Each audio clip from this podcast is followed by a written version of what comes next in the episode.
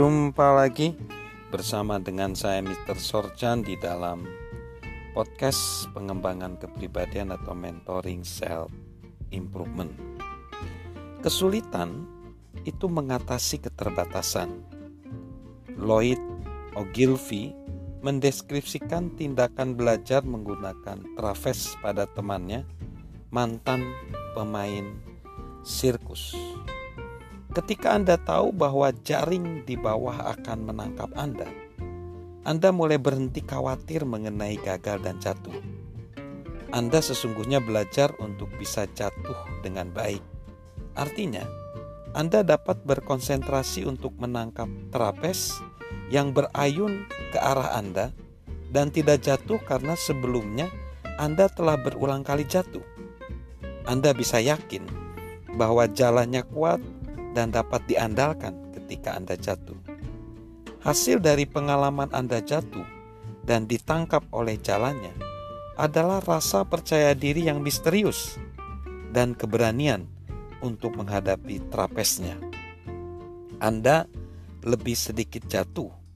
Semakin sering Anda jatuh, semakin mampu pula Anda untuk mengambil lebih banyak resiko. Seseorang akan terus hidup dalam keraguan untuk mengatasi tradisi yang membosankan, mengatasi keterbatasan dari penampilan organisasi, atau menantang dirinya sendiri untuk memperluas batas-batas fisiknya hingga ia bela belajar dari pengalaman hidupnya melalui kesulitan. Kegagalan membimbing seseorang untuk memikirkan kembali status quo. Jadi, kesulitan mengatasi keterbatasan kita. Lalu yang selanjutnya kesulitan menyediakan peluang yang lebih besar. Saya percaya bahwa meniadakan masalah justru akan membatasi potensi kita. Sama seperti semua pengusaha sukses yang pernah saya temui memiliki banyak kisah mengenai kesulitan dan kemunduran yang justru membuka pintu pada peluang yang lebih besar.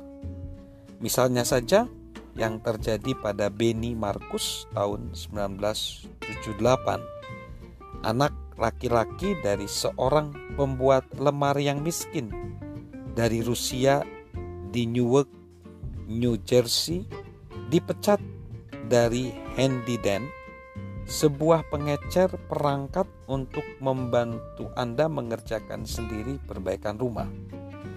Pengalaman itu akhirnya menuntun Markus untuk bekerja sama dengan Arthur Blank dan mengawali bisnisnya bisnis mereka sendiri. Di tahun 1979, mereka membuka toko mereka yang pertama di Atlanta, Georgia. Mereka menyebutnya The Home Depot saat ini, The Home Depot memiliki lebih dari 760 toko yang mempekerjakan lebih dari 157 ribu orang. Bisnisnya telah meluas. Memas lalu mereka melakukan juga ekspansi ke luar negeri. Dan setiap tahunnya perusahaan ini bisa memperoleh lebih dari 30 juta US dollar dari penjualannya. Saya yakin bahwa Bernie Marcus tidaklah senang ketika dipecat dari pekerjaannya di Handy Dan. Namun, jika ia tidak dipecat, siapakah yang mengerti akan kesuksesannya pada saat ini? Salam sukses luar biasa dari saya, Mr. Sorjan.